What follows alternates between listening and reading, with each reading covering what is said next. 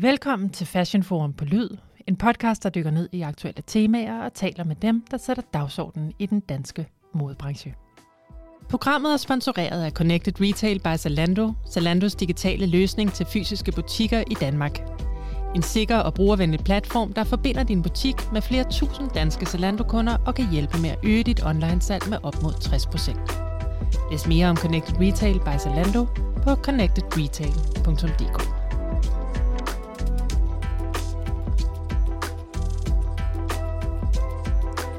I sidste uge viste Han København deres show i Milano, et show, hvor de endnu engang bevægede sig længere mod de avantgarde silhuetter og teknikker og udforskede mørket i en imponerende kollektion. Vi er nu ved at være igennem Fashion Month med den store finale i Paris, som er i fuld gang lige nu. Og her har flere danskere været på kalenderen. Cecilie Bansen med et udendørs show onsdag eftermiddag, og Helliot Emil i morgen lørdag med en præsentation. På den internationale bane har der i noget tid været rygter om Ricardo Tiscis exit fra Burberry, og i denne uge blev rygterne endeligt bekræftet. Daniel Lee er netop tiltrådt som brandets nye chefdesigner, efter han i efteråret stoppede hos Bottega. Det bliver super spændende at se, om Lee også kan vende skuden for Burberry og gøre det lige så relevant og toneangivende, som det lykkedes ham med Bottega. Herhjemme åbner det Kongelige Akademi i denne uge deres nye forskningscenter Clothing, hvor der med Else Skjold i spidsen som centerleder skal forskes i bæredygtige løsninger og langtidsholdbart design for at hjælpe modebranchen mod en mere bæredygtig og ansvarlig fremtid. Du kan læse mere om det nye forskningscenter på fashionforum.dk.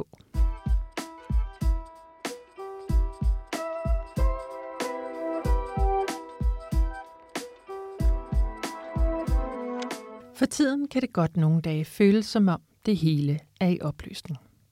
Mest på ondt, for sygdom, krig og mor og moralpoliti skal vi kæmpe for at bekæmpe, men også lidt på godt, fordi vi er midt i et langt sejt træk, hvor vi banker til alt den under- og overliggende sexisme, racisme og diskrimination, der findes sig indlejret i vores kultur, vores opdrag, vores sprog, arbejdspladser og i samfundet. Og det skal der gøres op med nu. Hos Infoturum, der rådgiver mode- og livsstilsvirksomheder i ansvarlig praksis i forhold til bæredygtighed, men også spørgsmål om inklusion og diversitet, har man netop udgivet en rapport, der kommer med en række anbefalinger til, hvordan man skaber en virksomhedskultur, som er både inkluderende og mangfoldig. Og hvordan man undgår, at det bliver et marketingstunt, der ikke slår rod i hverken strategi eller praksis. Derfor har vi fået besøg af Musa Mshamgama, der er medgrundlægger af Infoturum. Velkommen til dig, Musa. Tak skal du have. Musa, lad mig lige starte med at spørge dig. Du har igennem snart 15 år bevæget dig i mode- og mediebranchen. Hvis du lige kort skal karakterisere, hvad er det så for en tid, som vi befinder os i lige nu? Jo, et stort spørgsmål. Jeg tror på mange punkter jo, at vi, at vi befinder os i en, i en, i en brydningstid. Mm. Jeg tror, vi, vi alle sammen på alle mulige ledere kanter kan ikke genkende til, at det føles som om, der sker rigtig, rigtig meget i verden lige for tiden. Mm. Øhm, hvad end det er øh, energipriser og krige, eller om det er social uretfærdighed, eller om det er mental sundhed og unge, der har det svært, eller politiske landskaber og en højrefløj, der har vundet i Italien, eller hvad det nu end må være, lige på bagkant af en pandemi, lige på bagkant af, at rigtig mange har haft svært ved at øh, betale deres husleje og få mm. deres lønninger til at strække og sådan nogle ting. Og så samtidig, så er det jo midt i alt det her foregår der jo også alle mulige samtaler øh, sådan internt i vores samfund om, hvem der har adgang til magt, og hvem der fortæller vores historier. Og vi har haft en, en efterhånden øh, en, en MeToo-bølge, der har varet i flere år, som bliver ved med at vare, øh, som, som jo blotlægger nogle magtstrukturer, når det kommer til især til køn og til seksualitet. Vi har haft en Black Lives Matter-bevægelse, der, der kortlægger nogle af de samme magtstrukturer, jo, men når det mm. kommer til racisme og kolonialisme. Og der er flere og flere eksempler på bevægelser, som stiller spørgsmålstegn i virkeligheden ved vores vante forståelser mm. af, hvordan vi agerer med hinanden, og måske især vores danske forståelser af, at vi alle sammen både er rigtig søde og gør alting rigtig godt, og at vi er rigtig lige, og det er rigtig dejligt, og at vi hygger os rigtig, rigtig meget. Det kommer jeg også til at spørge dig ind til. Mm. Måske lige starten af rapporten, der slår I fast, at I hos Infoturum har oplevet sådan en ret dramatisk stigning i interessen for antidiskrimination, diversitet, inklusion, social retfærdighed, alt det, du nævner lige nu. Mm. Hvad er det for nogle spørgsmål, som virksomhederne kommer til jer med? Jamen, øh, over, over en kamp kan man sige, at de, øh, at, at de minder meget om hinanden, eller de alle sammen bunder i det samme spørgsmål, nemlig, hvad er det, der foregår, og hvad gør vi mm. ved det? Øhm, jeg oplever en, en meget stor efterspørgsel efter at forstå konteksten, man som virksomhed skal operere i lige nu. Øhm, det har vi arbejdet på de sidste fire år, at hjælpe virksomheder med at forstå især, når det gælder bæredygtighed. Øhm, men det er blevet tydeligere og tydeligere, at, at fokuset på den sociale del af bæredygtighedsarbejdet, altså alt det, der også handler om inklusion og diversitet og social retfærdighed, det fylder mere og mere i mange bevidstheder. Og det kan det gøre af mange forskellige årsager. Det kan det gøre på grund af nogle af de samtaler, jeg nævnte før. Det kan det jo også gøre, fordi man ser ens øh, de brands, man sammenligner sig med, gør noget, som de for eksempel bliver kaldt ud for på sociale medier. Mm. Det kan være, at ens forbrugere lige pludselig siger, at de mangler et eller andet fra en. Det kan være ens interne medarbejdere. Der kan være mange forskellige, øh, der kan være mange forskellige årsager. Men det grundlæggende, grundlæggende spørgsmål er, hvad er det egentlig, der foregår? Hvad betyder det for vores forretning? Øhm, og hvad gør vi? Fordi vi har ikke rigtig gjort noget før. Så hvor starter vi hen for, at det bliver ordentligt? Mm. Og der er det der, hvor jeres rapport kommer ind i billedet, mm. tænker jeg. Det håber jeg i hvert fald. Det også er, det kan være, at vi lige skal, skal sige, hvordan den er bygget op, fordi den er både bygget op omkring en teoretisk del, men også en empirisk del, hvor I har været ude og interviewe mm. en, øh, en lang række minoriteter, mm. øh, som bidrager anonymt med citater til, til rapporten. Men vil du ikke lige sige, hvordan med dine ord, og ikke bare med mine, jo. hvordan I har bygget den her op, eller hvordan arbejdet har været med rapporten? Jo, selvfølgelig. Altså jeg tror, øh, hvis man skal sætte en ramme på, så, så følte vi et meget stort behov for at, at bidrage med noget, med noget viden, der ikke kun trækker på vores egne erfaringer med at, at rådgive og arbejde med virksomheder, mm. men som også øh, skabte en lidt bredere platform, kan man måske sige, for at forstå nogle af de her kontekster, hvordan man som virksomhed i, i de kreative brancher kan arbejde med det. Og derfor har vi lavet den her rapport, øh, der hedder A Promise of Diversity, spørgsmålstegn. Og spørgsmålstegn er jo lidt mm. vigtigt i den her kontekst. Ja. Men som du siger, har et, står på et ret solidt teoretisk fundament, og som derudover deler nogle af de erfaringer, som øh, de syv virksomheder, vi har interviewet, har været så generøse at dele med os alle deres udfordringer, deres kompleksiteter, deres frygt og deres engagement og deres passion. Så har vi snakket med en række eksperter, øh, andre rådgivere, der arbejder med diversitet og inklusion. Og så har vi jo lavet nogle, nogle refleksionsgrupper med, med mennesker med, med forskellige former for sådan minoriserende identitetsmarkører, som arbejder i de kreative brancher, for at finde ud af, hvordan er det at arbejde i brancher og for virksomheder, der siger, at de arbejder med de her felter, ja. hvis man er en af dem, der faktisk bebor en eller anden identitet, som man lige pludselig ser på sociale medier for første gang fra ens brands profil, eller hvad det nu end må være. Og det har vi jo gjort for at prøve at tegne nogle, nogle strømme i virkeligheden imellem det, der er kan være en virksomhedsoplevelse på ledelsesplan, mm. det, der mm. kan være samfundskonteksten, den opererer i, og så det, der kan være den meget personlige eller individuelle oplevelse øh, af arbejde i en virksomhed, der opererer i en ny verden, og som måske ikke helt har fået styr på, hvad det er, den har gang i. Både fordi vi synes, det er vigtigt, men også fordi vi oplever, at der er et enormt stort behov for at kvalificere det her arbejde. Mm. Altså at diversitets- og inklusionsarbejdet for rigtig mange er en blindgyde, hvor der er brug for nogle metoder, der er brug for nogle mm. indgange, der er brug for nogle perspektiver, og, og det kan det her forhåbentlig være med til at føre ind i. Mm. Og øhm, måske især et perspektiv, som, som ikke kun er et bundlinjeperspektiv, men som også er et menneskeligt perspektiv. Sige, når man begynder at inkludere mennesker, der muligvis før har været ekskluderet af en hel branche, så medfører det nogle menneskelige udfordringer, nogle menneskelige opgaver, og det er dem, vi prøver at belyse. Mm. Mutter, det her det er jo ikke et område, der du lige har kastet over. Det er noget, mm. du har arbejdet med i mange år. Du har blandt andet også været forperson for Mino Danmark, mm. der arbejder for minoritetsetniske personers muligheder øh, i Danmark. Men var der alligevel noget, der overraskede dig i det her arbejde med den her rapport?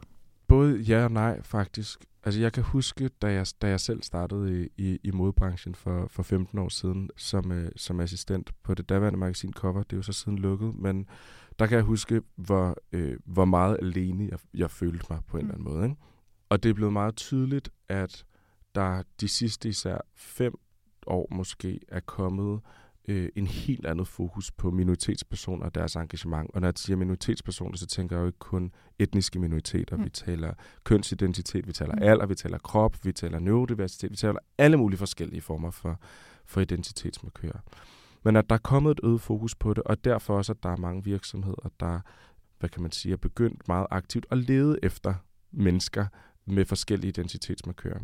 Og derfor tror jeg, noget af det, der var overraskende, det var faktisk, hvor mange af dem, vi har interviewet, som stadig føler sig meget udsatte, som er kommet ind i en, i en, i en mode, eller en designbranche, eller en, i en beautybranche, med et, hvad kan man sige, sådan, med et løfte om, at, øh, at arbejde i en virksomhed, der var klar til at, at, at have dem der i mm. virkeligheden og som så faktisk lidt oplever det modsatte, som oplever, at der stadig over frokostbordet bliver sagt ting, der er dybt problematiske, eller racistiske, eller sexistiske, eller hvad det nu må være, at der er en hel arbejdskultur, der slet ikke øh, er blevet kalibreret til at inkludere dem, at der er en ledelse for hvem det her mere er et spørgsmål om at poste de rigtige ting på sociale medier, end at passe ordentligt på sine medarbejdere. Alle sådan nogle ting. Og jeg tror, at hvad kan man sige, dybden i den utryghed i virkeligheden. Den synes jeg var, om ikke overraskende, så i hvert fald utrolig væsentlig at få frem. Du sagde det faktisk også selv, fordi du sagde virksomheder, der går ud og leder efter mm. nogle bestemte personer, de kan trække ind i virksomheden. Ja. Øhm, det er jo bare lidt interessant i forhold til, at man så måske ikke har lavet sit grundarbejde Altså 100 procent, og det er Kalibrere meget... Kalibrere virksomheden, som du siger. Jamen præcis, det. og, mm. det, og det, er meget, øh, det var en meget gennemgående ting. Man kan sige, jeg oplever en, en, en øget efterspørgsel på det, vi udbyder, mm. fordi vi udbyder noget, der er i tiden, men det var en meget konkret ting, som mange af de interviewpersoner, vi, vi øh, interviewede, sagde, at de oplever, at de er blevet til en meget mere eftertragtet vare, fordi de er, eller meget mere eftertragtet medarbejder, måske nærmere? Mm fordi de har en eller anden form for minoritetsstatus, men at der så jo opstår nogle clash, når de kommer ind i virksomhederne. Mm. Og omvendt så tror jeg også, at der er mange virksomheder, som det oplever vi også, at de siger, som i virkeligheden stiller sig selv de samme spørgsmål, og som hvilket, hvilket i virkeligheden til stadighed jo kan være, kan være både lidt undrende, men jo også lidt frustrerende, fordi der er masser af kilder. Altså den her rapport, vi udgiver, det kan godt være, at den er ny i en dansk kontekst, men der findes masser af viden om, hvordan man agerer mm. for de her felter. Så selvom det er et relativt nyt felt, så er der jo faktisk viden at hente. Så der er mange, der ikke behøver at stille sig selv de samme spørgsmål, hvis man kan sige. Ja, for bøgerne var sådan set tilgængelige. Fuldstændig. var tilgængeligt. Men så var der nogle særlige udtalelser, som, som ramte dig hårdere end andre? Ja. det var der på flere, på flere forskellige øh, lederkanter. Og jeg tror, jeg vil dele dem jeg vil hive tre frem, mm. tror jeg.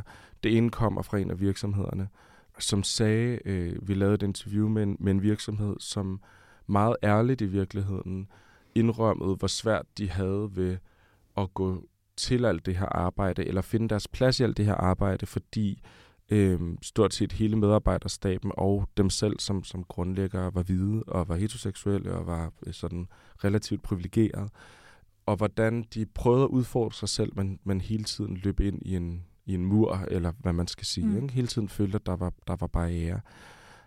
Og hvordan det i sig selv jo så ender med at blive en hindring, altså for, for udvikling eller for positiv mm. forandring, at der opstår en, en frygt for, at, at, øh, at, at den, man i sig selv er, skulle jeg til at sige, gør, at man ikke kan engagere sig i de her dagsordner. Og det tror jeg ramte mig utrolig meget, fordi jeg til stadighed oplever, at noget af det virksomheder siger eller efterspørger, det er, at de fra den ene dag til den anden skulle kunne blive diverse.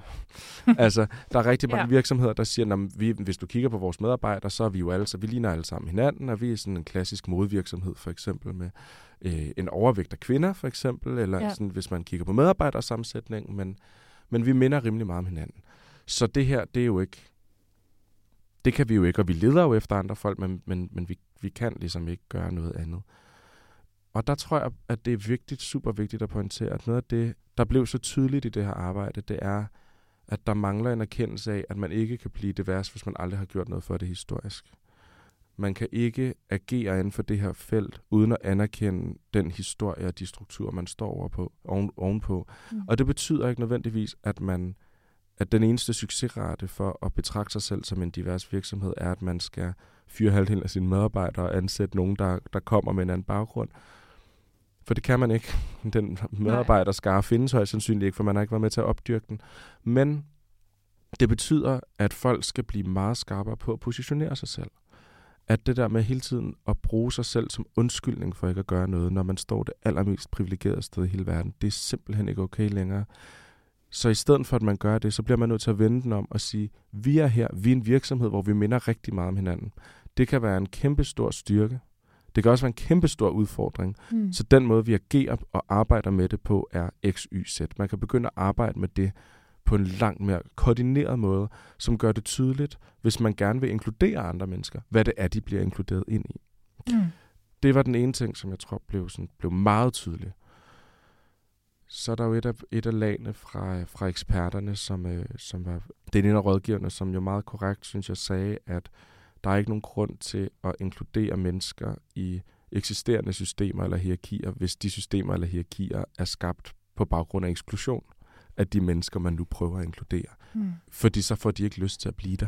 Jeg kan huske, at jeg læste en, en artikel, jeg tror, det var på Business of Fashion for noget tid siden, om at sådan, the Chief Diversity Officer, sådan den nye titel, der er kommet inden for modebranchen inden for de sidste år i de store internationale virksomheder, er den ledelsespost, hvor øh, ansættelsen var kortest. Fordi dem, der bliver hyret til at være Chief Diversity Officer, de kommer ind i en virksomhed, som slet ikke ved, hvad den titel betyder, og derfor så løber de skrigende bort. Ikke? Med andre ord, der er rigtig mange, der arbejder med det her, uden at forstå, at det at arbejde med diversitet og inklusion, det er at arbejde med barriere i adgang og med eksklusion. Det er kultur, man arbejder med. Det er mennesker, man arbejder med. Det er ikke kasser og målsætninger og data og procenter. Det kan det blive på et tidspunkt, mm. men det er ikke det, der er pointen med det. Og det blev meget tydeligt i det citat, synes jeg. Øhm, fordi det ligesom, det ender med at blive sådan en, en, en mus, der bider mm. sig selv i halen. Ikke? Og det tredje citat, jeg tror, der ramte mig øh, øh, rigtig, rigtig meget i virkeligheden, det er faktisk også blevet en selvstændig anbefaling mm. øh, i rapporten. Den sidste anbefaling, som vi har kaldt øh, Black is not my education, fordi den her rapport er, er jo på engelsk. Og det er et meget sigende citat, synes jeg, nemlig at øh, folk, der har en eller anden form for identitet, der gør dem til en minoritet i den sig på deres arbejdsplads mm. for eksempel, de bliver ofte afkrævet at skulle stå for rigtig meget af det her arbejde i sig selv. De bliver afkrævet at skulle stå på mål for ledelsens tanker, eller de bliver afkrævet at skulle svare på spørgsmål over frokosten om, mm. hvad der er, der foregår i samfundet.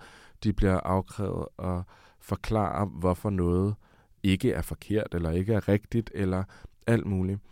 Og det er ikke en opgave, som de fleste nødvendigvis er equipped til.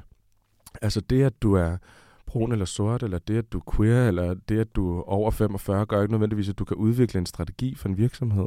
Det gør mm. ikke nødvendigvis, at du ved noget om inkluderende virksomhedspraksis, det kan være, at du er rigtig, rigtig god til at arbejde med SoMe, men det er ikke, og det er det, du ved noget om. Altså, ja. for at sige, at man lægger utrolig mange ekstra forventninger og byrder mm. i virkeligheden oven på de øh, medarbejdere, som, som kommer ind, især entry-level i virksomhederne, mm. som har forskellige kan man sige, minoriserende identitetsmarkører, og som man forventer skal løfte ekstra opgaver, mm. som det ikke er deres opgave at løfte, men som de tager med sig hjem og løfter, eller som de ikke kan sove om natten over, fordi de forventes at løfte dem. Ja. Og så de jo ikke får noget løn for at løfte. Nej, og det er heller ikke noget, der lige gør dem uh, klemme på til, uh, til en mere ledende stilling. Overhovedet ikke. Så, så de kan jo sidde og løfte, mens der er nogen, der laver alt muligt andet, som de får point for i virksomheden. Lige præcis, og som jo i høj grad også, øh, de skal også løfte øh, på andres præmisser, kan man mm. sige. Ikke? Altså, øh, som jo også er en væsentlig del af det her, at hvis du spørger dine medarbejdere om, hvad, hvad, hvad kan vi egentlig, hvordan kan vi forholde os til det her? Hvad synes du mm. som XYZ? Og de svarer dig, så er det meget nemt som leder at sige, Nå, det synes jeg ikke. Så jeg har ikke tænkt mig at gøre det. Og så har du enten underkendt deres svar mm. eller deres oplevelse. Der var ikke nogen grund til, at du spurgte, men du har sat dem på overarbejde for at føle, at de skulle ja. levere noget, som i virkeligheden ikke er en del af deres jobbeskrivelse.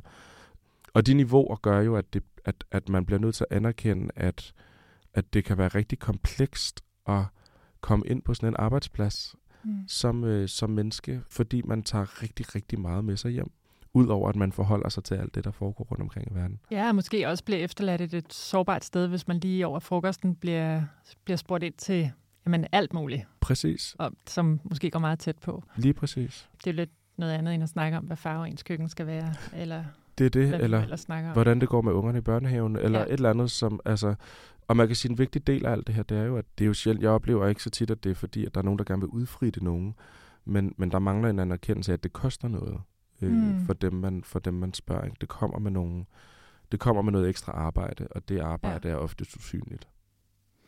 Musa, er det her noget, der er særligt udfordrende for danske virksomheder? Både ja og nej, skulle jeg til at sige. Det er ikke særlig udfordrende for danske virksomheder specifikt, fordi at man kan sige, at vi i Danmark er blevet en del af et globalt modesystem, der har den samme slags globale supply chain, der mm. bruger de samme mekanismer til at sælge varer, og i høj grad også har brugt de samme mennesker til at sælge de varer til de samme mennesker, der skulle købe dem. Ikke? Mm. Så på den måde indskriver alt det, vi laver sig jo i en, øh, i en meget sådan globaliseret øh, og standardiseret måde, også at designe tøj ud fra, for eksempel. Ikke? Ja. Men det, jeg tror, der er, der, er- der er meget specifikt i en dansk kontekst, det er, at vi er øh, rigtig dårlige til at tale om ting, der er ukomfortable. Vi er øh, ikke særlig trænet i, at det at sige øh, noget eller løfte en kritik, det ikke er det samme som et angreb. Øh, vi er ikke særlig trænet i, virksomhedsmæssigt i hvert fald, at arbejde med emner, der er meget komplekse, som vi ikke, hvor opgaven ikke er at gøre dem så enkle som muligt, så hurtigt som muligt, men faktisk bare lade dem være lidt komplekse og give dem tid til at være det. Mm. Og så har vi samtidig også den her meget, meget danske, og det er en meget specifik dansk ting, at vi både betragter os selv som jo enormt ligestillede og enormt øh, gode og enormt ligesom sådan øh, godgørende i verden, kan man sige, ikke? Øhm, og enormt langt fremme. Og man må bare man må bare sige, at når det kommer til de her emner, så, øh, så er vi det modsatte. Mm. Og når det lige så vel som at, altså, lige så vel som at vi betegner os selv som, som nogle af dem, der er allermest førende på klimadagsordenen, men vi er det de lande, der udleder allermest per, per, per Ja. ja. borger, ikke? så kan man sige sådan, øhm, der, er sådan nogle, øh, der er sådan nogle diskrepanser. Men jeg tror lige præcis den der, det der blik for, at, at vi jo er rigtig gode, det gør det enormt svært at åbne mange af de her ting op. Det gør det rigtig svært at tale om. Vi kan se, hvor svært Mm. det overhovedet er for os reelt at adressere den manglende ligestilling, øh, der er mellem køn, for eksempel. Ikke? Altså, hvor meget vi overhovedet skal kæmpe for at anerkende, at hvis ikke der bliver gjort nogle meget konkrete tiltag, så kommer kvinder aldrig til at få ligeløn i det her land. Nej. Altså, det kræver ikke bare snak. Det kræver meget konkret handling. Og det er vi ikke særlig vant til. Så vores idé om, at vi skal hygge os og flad struktur og arbejdspladsen er som en familie, det, det backfire på en eller anden måde her i, i de her situationer. I allerhøjeste grad, og det, og det gør jo også, at, øhm, at man kan sige, at, at, at vi ikke har skabt nogle, nogle rum, hvor man kunne tale om de der ting, som var en del af arbejdspladsen. Ikke? Nu nævnte du selv det her med, med arbejdspladsen som en familie, Mm. som jo også er en enormt dansk ting i virkeligheden. Ikke? At omtale sin, sin virksomhedskultur som sådan, "Jamen, vi er jo alle sammen i familie sammen. Mm. Ej, vi er bare en stor familie Mm. her. Og det er jo typisk noget, der kommer fra topledelsen. Ikke? Øhm, det er typisk ikke noget, man nødvendigvis siger nedefra, som så bliver adopteret op. Det kommer typisk oppefra, fordi man fra ledelsesmæssig plan synes, det er vigtigt. Det betyder ikke, at alle folk synes, det er særlig rart at være en del af den familie. Mm. Det er heller ikke alle, der faktisk har det særlig godt i deres familie, eller har lært at være en familie, som Nej. ved, hvad det betyder. Altså, og det, er sådan, det, det greb mangler vi nogle gange lidt at tænke ikke? Med i. Og hvad betyder det for, for folks muligheder for faktisk at sige fra? For eksempel over for ting, de ikke synes er rare. Hvis vi skal foregive her at være en stor hyggelig familie, der, Ja. der bare har det knalddejligt hele tiden. Ikke? Mutter, jeg vil egentlig have spurgt dig, hvorfor du tror, det er så ukomfortabelt for os, men det synes jeg faktisk, vi har fået svar på. Mm. Men har du et råd til, hvordan man ligesom kan åbne op for det ukomfortable, den ukomfortable samtale i en virksomhed?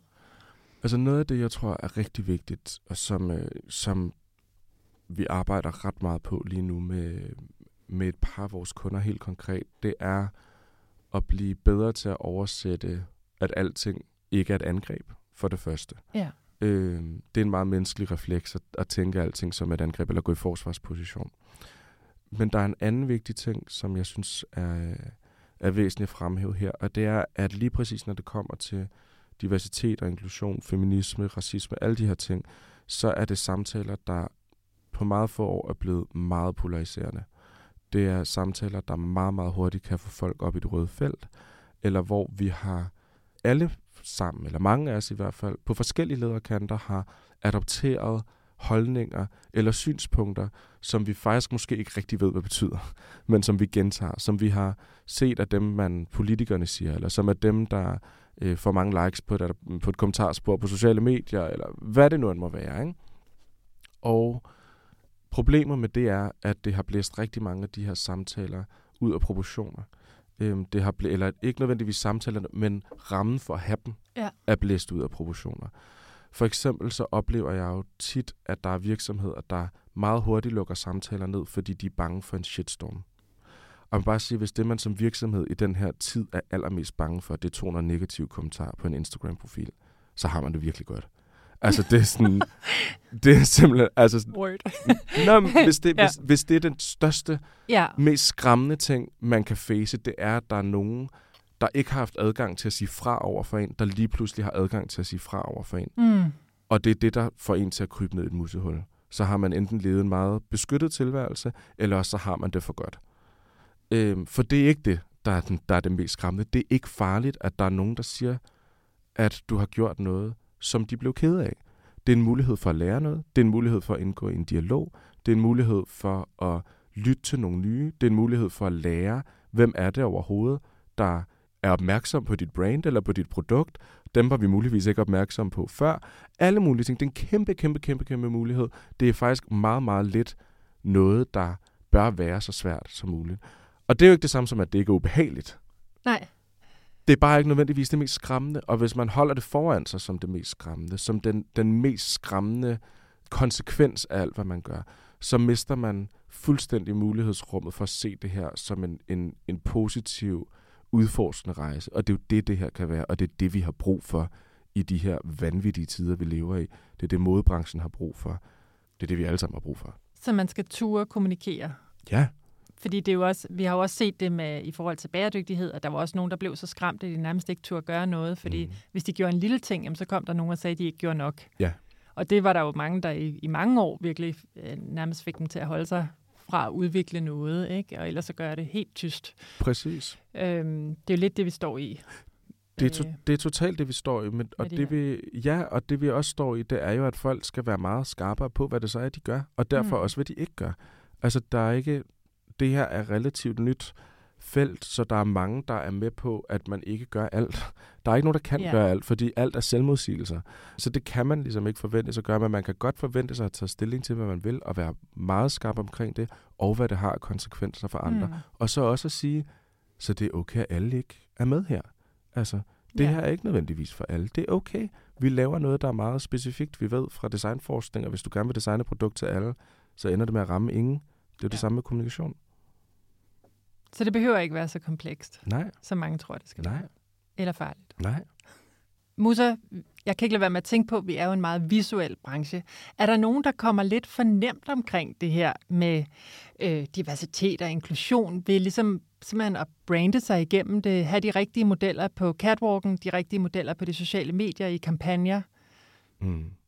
Ja, Okay, kunne være det hurtige svar. men jeg vil Øhm. godt have det lange. Ja, du, det skal du få. Fordi svaret er ja. Altså, der, det, der er helt sikkert nogen, der, der kommer for nemt rundt omkring det. Og grunden til, at de gør det, er jo, at der er rigtig mange, der stadig anskuer deres marketingstrategier, deres kommunikationsbrandstrategier, som noget, der hvad kan man sige, for, for produktet ud at leve, Mm. men som ikke nødvendigvis har noget med resten af virksomheden at gøre. Og lige præcis det her felt, og bæredygtighedsfeltet jo i øvrigt også, er jo noget af det, der fej, hvor der er nødt til at være enormt stor sammenhæng på en eller anden måde. Mm. Det betyder ikke, at alle modellerne skal ligne dem, der, der er på dit kontor per se, men det betyder alt andet lige, at det er meget svært at tage seriøst, hvis man laver en kampagne, der er super inkluderende, hvis virksomheden aldrig har arbejdet med det her før Mm. så ved man slet ikke, hvad det er for nogle parametre, man internt bør arbejde med, og man ved heller ikke, hvad det betyder at claime de ting, man nu sender ud i verden. Man ved ikke, hvad det betyder for de modtagere, der aldrig har set det her før, der aldrig har følt sig inkluderet før, og man ved derfor heller ikke, hvad det forventes, at man skal følge op med bagefter. Det at arbejde med diversitet og inklusion kommunikationsmæssigt og i sine sociale medier, på sine modeller og alle sådan nogle ting, det bør være den sidste faktor i virkeligheden. Altså den visuelle del af en lang intern rejse. Og for rigtig mange vedkommende har det været den anden vej rundt. noget af det, der jo også går igen i mange af de interviews, vi har lavet, det er den her bevidsthed om, at dem, vi har interviewet, som arbejder i brancherne, som ligesom siger, jamen, vi kan jo se, at, at de virksomheder, vi arbejder for, de har, de har fået flere og flere modeller, for eksempel, eller bruger flere og flere influencer, som ikke er hvide, eller hvad det nu må være, queers, et eller andet. Men jeg er den eneste på vores kontor, og, og folk ved ikke, hvad det betyder. Altså, det er nemt nok at sige, at der skal være plads til alle på Instagram, men, men det er ikke så nemt at skabe den.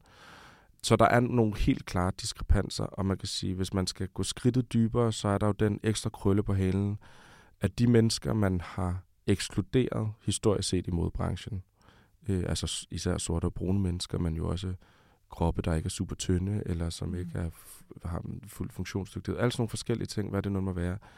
Især de brune og sorte kroppe er jo i høj grad dem, der laver produkterne. Og øh, derfor er der jo en del af det her arbejde, der handler om at forbinde sig selv til hele ens, altså hvad er det, man laver. Man har mm. brugt relativt billigt betalt arbejdskraft, der har været brune og sorte kvinder øh, i det globale syd, til at lave produkter til især privilegerede hvide kvinder i det globale nord, som så er blevet markedsført igennem andre hvide kvinder i det globale nord og solgt til mm. hvide kvinder i det globale nord. Og nu begynder man at pille ved den yderste, fordi man også begynder at bruge brune og sorte kroppe til at sælge og markedsføre de her produkter. Men kernen i midten, dem der laver det, dem der tjener pengene på det, er hverken dem, der laver det, eller, eller dem, man nu bruger. Så der er sådan nogle forskellige diskrepanser, man bliver nødt til at være opmærksom på, og som jo også gør det meget, øh, altså er med til at føde den her frygt for, at man bliver kaldt ud, fordi man ikke ved, hvad det er for en forarbejde, man skal lave. Mm. En af jeres anbefalinger går faktisk netop på det der med, at man skal som virksomhed sikre at, at inkludere i virksomhedens beslutningslag. Ja. At det ikke er alene drift eller produktion eller modeller ja. i den yderste. Øhm, og hvis man ikke har nogen, man kan inkludere i beslutningslaget, så skal man bruge det som et startpunkt. Ja. Jeg kunne godt tænke mig at dykke lidt ned i det her, for hvad er den største fejl, som virksomheder begår her? Det er i høj grad, tror jeg, at der rigtig mange steder er blevet skabt en arbejdskultur, hvor strømmen ind i modebranchen, hvis man kan sige det på den måde. Altså det optag, der har været af mennesker, mm. i, der arbejder i modebranchen de sidste, lad os sige, 30 til 10 år. Så mm. nu inkluderer jeg mig selv i den strøm også. Ikke? Men den, den, har, den har meget specifikt fået rigtig mange mennesker, der ligner hinanden rigtig, rigtig meget ind. Hvad end det er deres øh, baggrund, eller øh, der, hvor de er vokset op, eller om de har familier, der har arbejdet med design eller mode, eller kreativitet, eller hvad det nu end måtte være. Og det medfører, at der er rigtig mange virksomheder, der har skabt beslutningssystemer og beslutnings eller måder at træffe beslutninger på, og et sprog for, hvad der er skønt, for eksempel, eller mm. hvad vi betegner som godt, eller som rigtigt, eller som sandt, eller som dejligt, eller som smukt, som i virkeligheden ligger på en ikke udtalt intuition, og som ligger på, at noget vi er blevet enige om, men ikke har skrevet ned nogen steder. Mm. Det er noget, vi har opdyrket sammen, og det er en kulturel praksis, vi har opdyrket sammen. Ikke? Og det betyder jo, at der er rigtig mange i den her branche, der agerer ud fra et meget specifikt verdenssyn i virkeligheden. Det er jo et verdenssyn. Mm. Og det betyder, at der er rigtig mange, der slet ikke er opmærksom på deres egne blinde vinkler. Hvad enten det er i bestyrelseslokalet, eller på designgangen, eller på social media, eller hvad det nu må være. Fordi at man har ensrettet i virkeligheden kompetencerne og menneskerne rigtig meget til at skulle kunne og performe ud fra de samme mm. parametre. Og det er jo en af grundene til, at vi ser nogle gange de her meget store sådan backlashes, når folk har prøvet noget, eller gerne vil gøre noget, eller vil talsætte noget, så, så kommer der en meget stort modtryk, fordi det er tydeligt for stort set alle andre, at der er nogle samtaler, der ikke er blevet taget i det rum. Ja. Der er nogle ting, man slet ikke har været opmærksom på, skulle adresseres, selvom man har ment det godt, hvilket efterlader en med en fuldstændig sårbar flanke. Ikke? Og det tror jeg er en af de største fejl, man kan begå. Det er ikke at opdyrke en kultur, hvor man har en metode til at undersøge forskellige vinkler. Det betyder nemlig ikke, at man bliver nødt til at have en medarbejdergang, hvor alle ser forskellige ud eller kommer med noget. Man kan godt lave metoder rundt omkring det, men man bliver nødt til at gøre det til en praksis, og man bliver nødt til at gøre det til en værdifuld praksis. Mm. Og det er der ikke særlig stor tradition for i, øh, i modebranchen overhovedet. Nej, noget, der synes jeg nemlig også faktisk over, at I skriver noget om, at nye virksomheder, der faktisk kommer med et andet værdisæt og gerne vil gøre tingene på en, på en ny måde, ja. anderledes måde, ja. de banker ind i nogle eksisterende produktionsgange og forretningsmetoder, ja, som udfordrer forretningsmodeller, ja. som simpelthen udfordrer det og, og bremser den udvikling, de faktisk gerne vil lave. Ja. Hvad, kan du prøve at forklare det lidt? Jamen, Hvad er der kommer til at foregå der? Noget af det, vi jo, vi jo har, har oplevet rigtig mange gange, og det er ikke kun i den rapport, men også i, i meget, den, meget det arbejde, vi generelt laver, det er jo, at der kommer et helt nyt felt af, af virksomheder i de kreative brancher op, som for eksempel er, er grundlagt af nogen, der øh, gerne vil drive en feministisk virksomhed. Lad os sige det på den måde. Mm. Eller et eller andet. Ikke? Og som, som starter ud, og som, som, som bygger noget op, og som meget hurtigt bliver slugt, kan man mm. sige, af den maskine, der er modbranchen, som muligvis især henvender sig til kvinder og er baseret på kvinders arbejdskraft, men som aldrig kan sige sig har været feministisk, vel? Hvis vi skal være, hvis vi skal være rigtig ærlige. Mm. Og der er nogle meget, meget stærke forventninger til, hvad man, hvornår og hvordan man har en succesfuld virksomhed, hvad parametrene for den er, som udfordrer alle dem, der gerne vil prøve at gøre tingene anderledes. Simpelthen fordi indkøbssystemet ikke kan lade sig gøre. Altså, du kan ikke få stormagasinerne med på at lægge en anden slags ordre, du ved, til virksomheder, der gerne vil gøre det på en anden måde. Eller du kan ikke få øh, forbrugerne fortalt, at det tager seks uger at få leveret det her, fordi det skal syes til dig, medmindre du er mm. virkelig god til det. Eller hvad det nu end må være. Der er alle, alle, alle mulige forskellige parametre. Al den rådgivning, du får, den handler om, at du skal vækste, vækste, vækste, hvis du ikke har lyst til at vækste. Mm, hvad gør du så, ikke? Så der er, der er der, der er dels sådan nogle parametre, og så er der jo, kan man sige, de, de parametre udenomkring, som er, at vi også har en, en, en, en branche, som er uhyggeligt god til at spotte, hvad det nye er, og optage det, indoptage det i sine mm. eksisterende mm. øh, strukturer, bruge det i et par sæsoner, og så spytte det ud igen, når der kommer noget nyt nyt. Og det gør sig jo også gældende med det her. Hvad end det er mennesker, eller om det er kultur, eller om det er designpraksiser, eller tænkning, eller hvad det nu må være. Og det gør jo, at mange af dem, der gerne vil noget nyt, de kommer ind, og så oplever de en meget, meget, meget, meget stejl opmærksomhedskurve, og så oplever de også et meget, meget dræt fald lige pludselig. Ikke?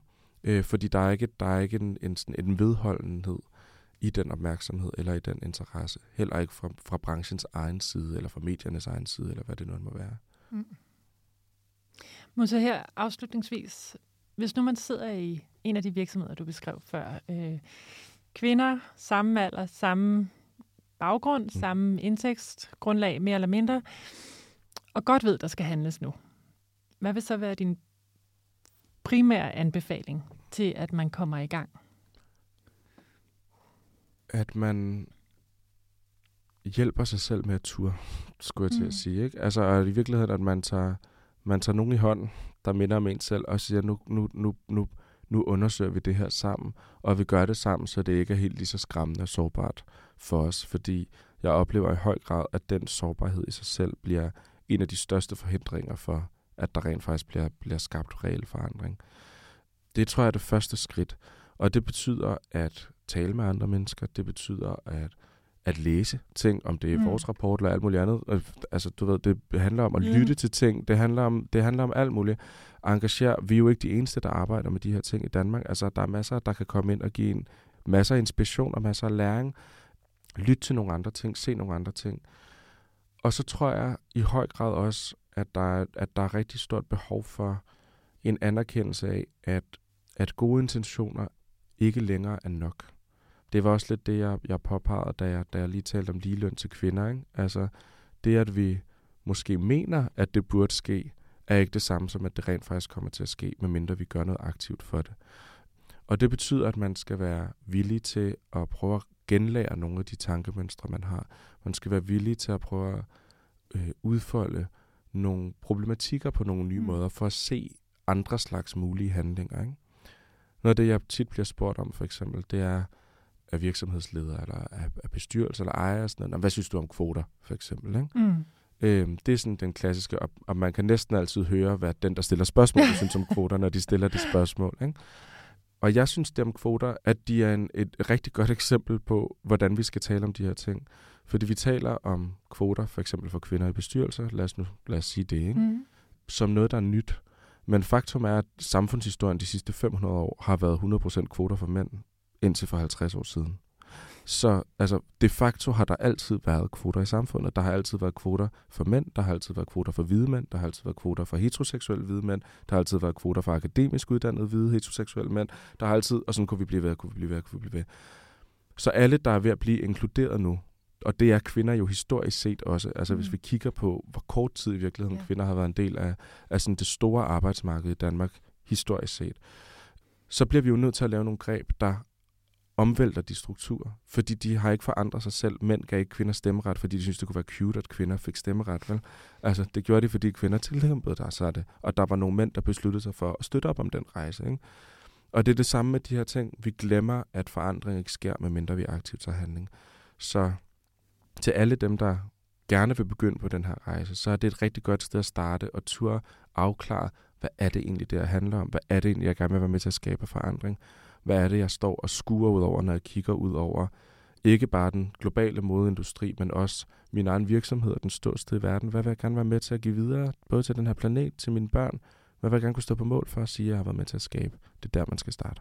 Tusind tak, Musa, og tak fordi du vil komme ind og fortælle om jeres rapport A Promise of Diversity, tak. som netop er udkommet.